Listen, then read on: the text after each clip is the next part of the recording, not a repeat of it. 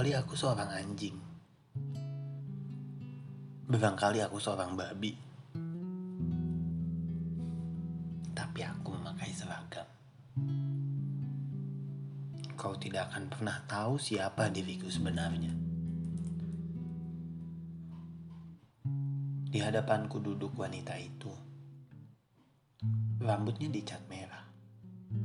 Sebetulnya coklat. Tapi orang-orang menyebutnya merah. Padahal merah punya arti lain bagiku. Sudah bertahun-tahun aku dicekoki pikiran bahwa orang-orang merah adalah orang-orang yang berbahaya. Jadi aku tidak perlu percaya kepada wanita ini yang rambutnya sengaja dicat merah. Barangkali isi kepalanya juga merah. Barangkali hatinya juga merah. Siapa yang tahu? Aku tidak percaya kepada kata-kata wanita ini meski ceritanya sendiri dengan jujur kuakui. Lumayan mengharukan. Dia bercerita dengan bahasa yang tidak mungkin dimengerti. Bukan karena bahasa Indonesianya kurang bagus. Bahasa itu sangat dikuasainya. Tapi karena apa yang dialami dan dirasakannya, seolah-olah tidak terkalimatkan. Wajahnya yang cantik syarat dengan luka batin yang tak terbayangkan. Aku hampir-hampir terharu, bahkan sebelum dia bercerita. Tidak pernah bisa kubayangkan bahwa manusia bisa mengalami beban penderitaan seberat itu. Justru karena dia lahir sebagai manusia. Ceritanya terpatah-patah. Kalimatnya tidak nyambung. Kata-katanya bertebaran tak terangkai. Sehingga aku harus menyambung-nyambungnya sendiri. Beban penderitaan macam apakah yang bisa dialami manusia sehingga membuatnya tak mampu berkata-kata? Maka cerita yang akan kau dengar ini bukanlah kalimatnya melainkan kalimatku. Sudah bertahun-tahun aku bertugas sebagai pembuat laporan dan hampir semua laporan itu tidak pernah sama dengan kenyataan. Aku sudah menjadi sangat ahli menyulap kenyataan yang pahit menjadi menyenangkan. Dan sebaliknya, perbuatan yang sebetulnya patriotik menjadi subversif. Pokoknya selalu disesuaikan dengan kebutuhan.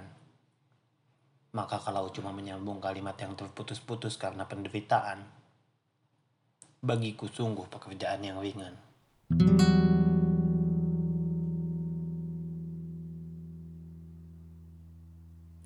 Api sudah berkobar di mana-mana ketika mobil BMW saya melaju di jalan tol. Saya menerima telepon dari rumah. Jangan pulang, kata mama. Dia bilang kompleks perumahan sudah dikepung, rumah-rumah tetangga sudah dijarah dan dibakar. Papa, mama, Monica, dan Sinta, adik-adikku terjebak di dalam rumah dan tidak bisa ke mana-mana. Jangan pulang, selamatkan diri kamu. Pergilah langsung ke Cengkareng, terbang ke Singapura atau Hong Kong. Pokoknya ada tiket. Kamu selalu bawa paspor kan? Tinggalkan mobilnya di tempat parkir. Kalau terpaksa ke sini tidak apa-apa, pokoknya selamat. Di sana kan ada om dan tante, kata mama lagi. Saya memang sering keluar negeri belakangan ini, pontang-panting mengurusi perusahaan papa yang nyaris bangkrut karena utangnya dalam dolar tiba-tiba jadi bengkak. Saya ngotot untuk tidak mem-PHK para buruh. Selain kasihan, itu juga hanya akan menimbulkan kerusuhan. Papa marah-marah. Kita tidak punya uang untuk membayar buruh. Selain produksi sudah berhenti, yang beli pun kagak ada. Sekarang ini para buruh hidup dari subsidi perusahaan patungan kita di luar negeri. Mereka pun sudah mencak-mencak profitnya dicomot. Sampai kapan mereka sudi membayar orang-orang yang praktis sudah tidak bekerja? Saya masih ngotot.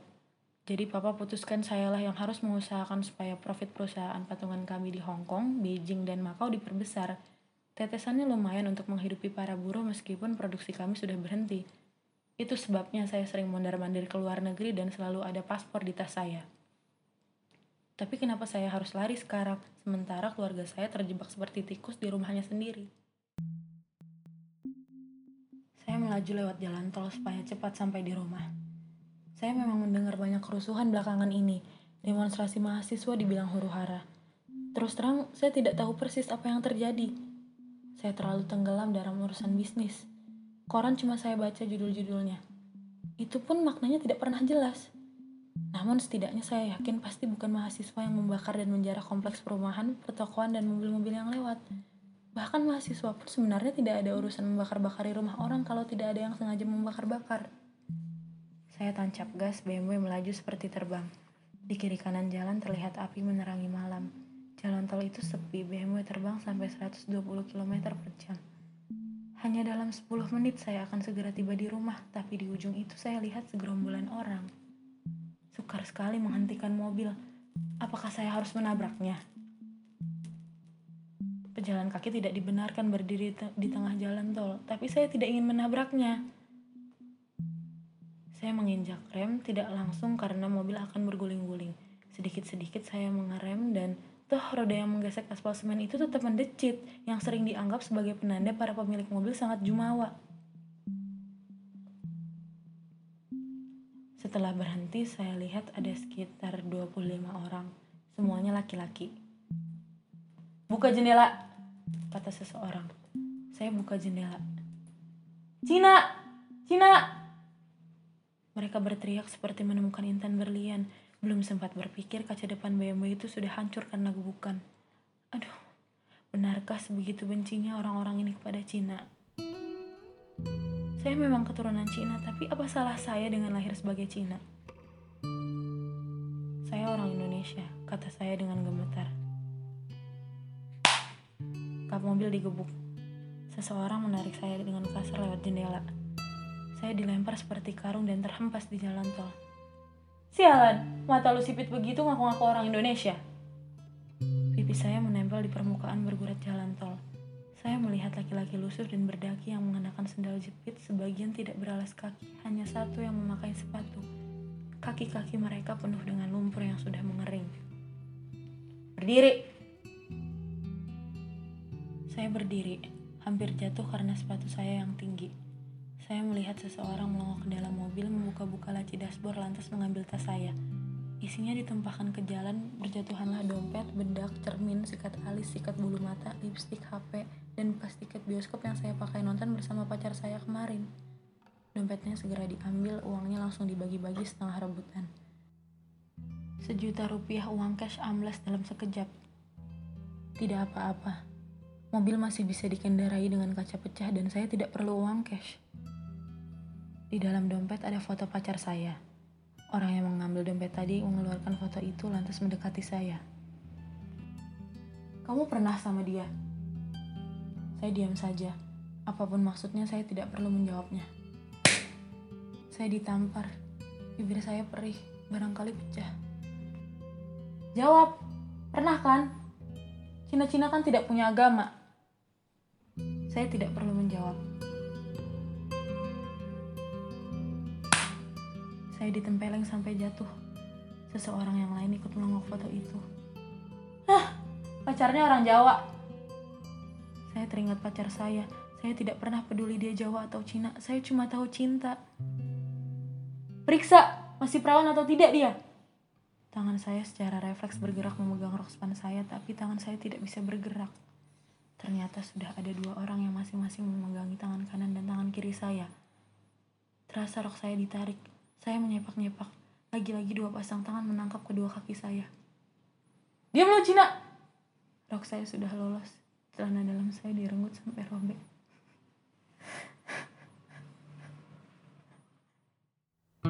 Wanita itu menangis. Mestinya aku terharu. Mestinya. Setidaknya aku bisa terharu kalau membaca roman picisan yang dijual di pinggir jalan.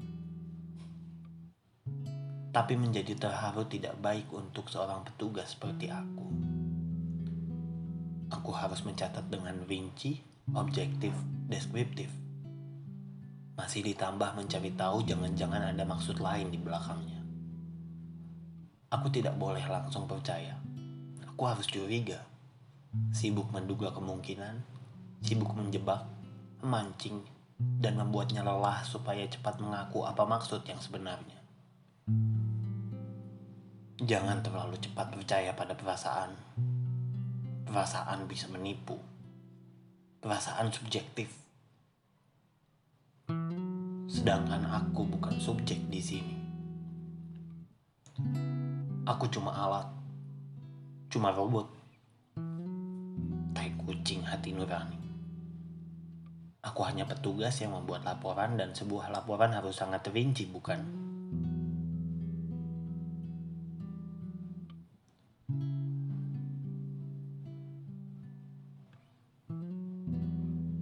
Setelah celana dalam kamu dicopot, apa yang terjadi?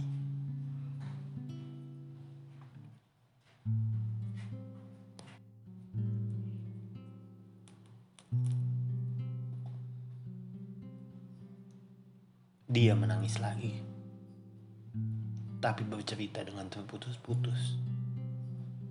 Ternyata susah sekali menyambung-nyambung cerita wanita ini. Kadang-kadang dia pingsan. Apa boleh buat? Aku harus terus bertanya.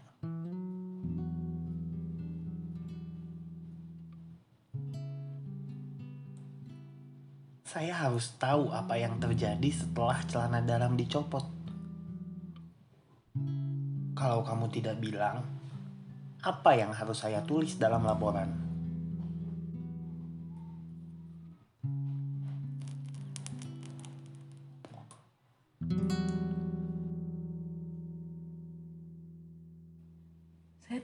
Berapa lama saya pingsan. Waktu saya membuka mata, saya hanya melihat bintang-bintang. Di tengah semesta yang begini luas, siapa yang peduli kepada nasib saya? Saya masih terkapar di jalan tol. Angin malam yang basah bertiup membawa bau sangit. Saya menengok dan melihat BMW saya sudah terbakar. Rasanya baru sekarang saya melihat api dengan keindahan yang hanya mewakili bencana. Isi tas saya masih berantakan seperti semula. Saya lihat lampu HP saya berkedip-kedip cepat. Tanda ada seseorang meninggalkan pesan. Saya mau beranjak, tapi tiba-tiba selangkangan saya terasa sangat perih. Bagaikan ada tombak dihujamkan di antara kedua paha saya. Oh, betapa pedihnya hati saya tidak bisa saya ungkapkan. Saya tidak punya kata-kata untuk itu. Saya tidak punya bahasa. Saya hanya tahu bahasa Indonesia dan bahasa Inggris untuk urusan bisnis. Kata orang, bahasa Cina sangat kaya dalam hal menggambarkan perasaan, tapi saya tidak bisa bahasa Cina sama sekali dari dialek mana pun, kecuali yang ada hubungannya dengan harga-harga. Saya cuma seorang wanita Cina yang lahir di Jakarta dan sejak kecil tenggelam dalam urusan dagang. Saya bukan ahli bahasa, bukan pula penyair. Saya tidak tahu apakah di dalam kamus besar bahasa Indonesia ada kata yang bisa mengungkapkan rasa sakit, rasa terhina, rasa pahit, dan rasa terlecehkan yang dialami seorang wanita yang diperkosa bergiliran oleh banyak orang karena dia seorang wanita Cina. Sedangkan pacar saya saja begitu hati-hati, bahkan hanya untuk mencium bibir saya. Selangkangan saya sakit, tapi saya tahu itu akan segera sembuh. Luka hati saya. Apakah harus saya bawa sampai mati? Siapakah kiranya yang akan membela kami? Benarkah kami dilahirkan hanya untuk dibenci? Saya tidak bisa bergerak sampai seorang ibu tua datang terbungkuk-bungkuk. Dia segera menutupi tubuh saya dengan kain. Maafkan anak-anak kami, katanya. Mereka memang benci dengan Cina. Saya tidak sempat memikirkan arti kalimat itu. Saya bungkus tubuh saya dengan kain dan tertetih-tatih menuju tempat di mana isi tas saya berserakan. Saya ambil HP saya dan saya dengar pesan papa. Kalau kamu dengar pesan ini, mudah-mudahan kamu sudah sampai di Hong Kong, Sydney, atau paling tidak Singapura. Tabahkanlah hatimu, Clara. Kedua adikmu, Monica dan Sinta, telah dilempar ke dalam api setelah diperkosa. Mama juga diperkosa lantas bunuh diri melompat dari lantai empat. Barangkali papa akan menyusul juga. Papa tidak tahu apakah hidup ini masih berguna.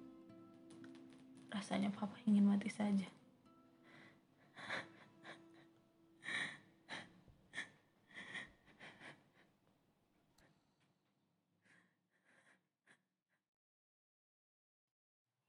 Dia menangis lagi.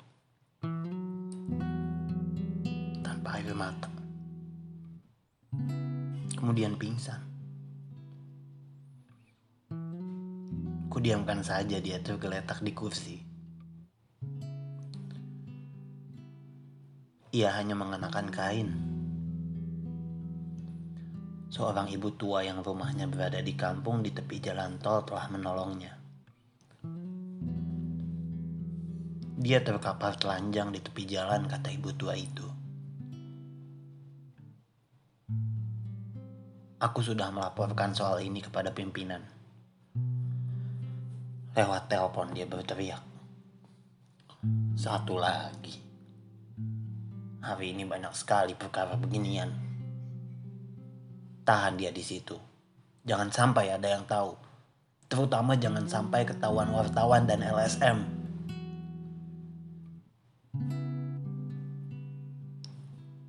Lalu pesuruh kantor membaukan PPO ke hidungnya.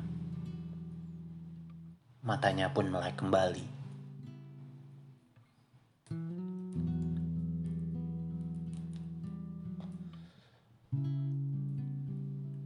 Jadi kamu mau bilang kamu itu diperkosa?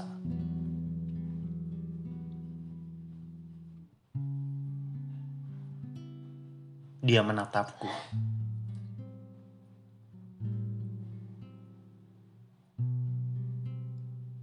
Padahal kamu bilang tadi kamu langsung pingsan setelah apa itu?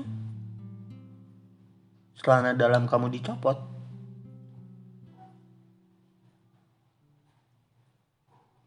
Dia hanya menatapku dengan wajah tak percaya.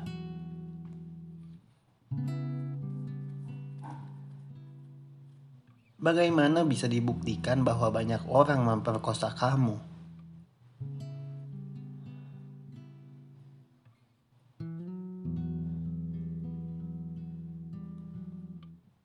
Dia diam. Kulihat di matanya suatu perasaan yang tidak mungkin dibahasakan. Bibirnya menganga. Memang pecah karena terpukul. Tapi itu bukan berarti wanita ini tidak menarik. Pastilah dia seorang wanita yang kaya. Mobilnya saja BMW. Seorang wanita eksekutif. Aku juga ingin kaya tapi meskipun sudah memeras dan menerima sogokan di sana sini tetap begini-begini saja dan tidak pernah bisa kaya. Naik BMW saja aku belum pernah. Aku memang punya sentimen kepada orang-orang kaya. Apalagi kalau dia orang Cina. Aku benci sekali. Ya. Kainnya melorot. Dan tampaklah bahunya yang putih. Jangan terlalu mudah menyebarkan isu di perkosa. Perkosaan itu paling sulit dibuktikan. Salah-salah kamu dianggap menyebar fitnah.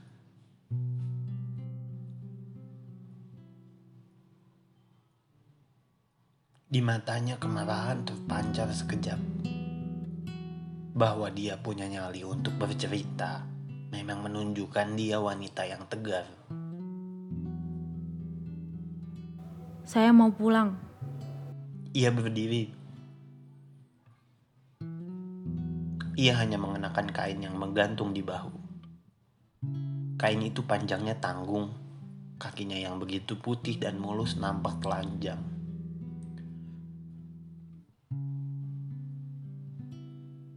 Kamu tidur saja di situ. Di luar masih rusuh. Toko-toko dibakar dan banyak perempuan Cina diperkosa.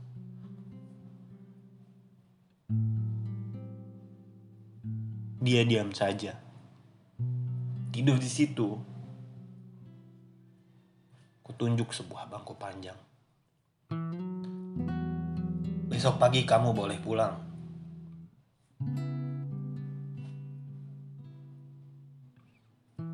Kulihat dia melangkah ke sana. Dalam cahaya lampu lekuk tubuhnya nampak menerawang. Dia sungguh-sungguh cantik dan menarik meskipun rambutnya dicat warna merah. Rasanya aku juga ingin memperkosanya. Sudah aku bilang tadi. Barangkali aku seorang anjing. Barangkali aku seorang babi. Tapi aku mengenakan seragam. Kau tidak akan pernah tahu siapa diriku sebenarnya. Yang jadi masalah, menurut ilmu hewan, katanya binatang pun tidak pernah memperkosa. Tentu saja tentang yang satu ini tidak perlu kulaporkan kepada pimpinan. Hanya kepadamu aku bisa bercerita dengan jujur, tapi dengan catatan semua ini rahasia. Jadi, jangan bilang-bilang. thank you